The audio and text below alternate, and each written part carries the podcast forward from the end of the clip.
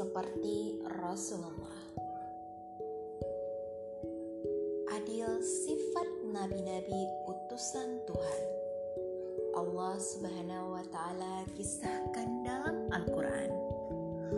Allah, Allah, ada bayi jadi rebutan. Diputuskan dengan adil oleh Nabi Sulaiman.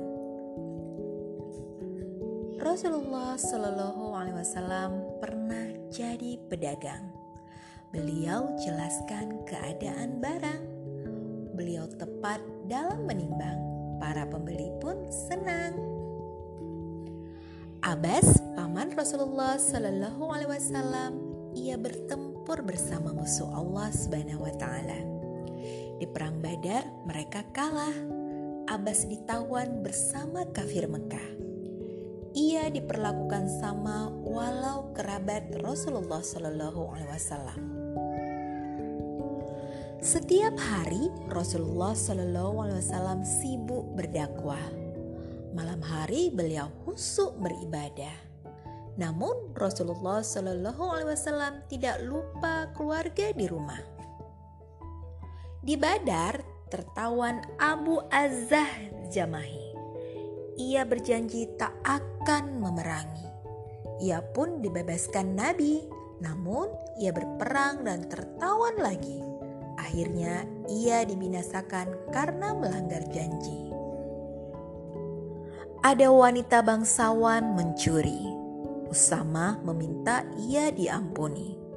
Namun tegas berkata Nabi, kalau Fatimah putriku mencuri, aku sendiri yang akan menghukumi.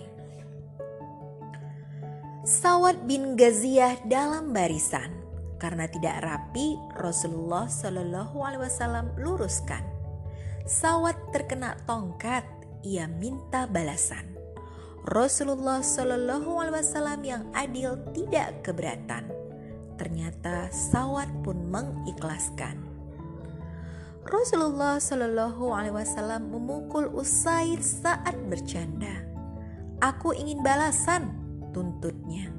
Balaslah Rasulullah Shallallahu Alaihi Wasallam berkata, bukannya memukul Usaid malah memeluknya.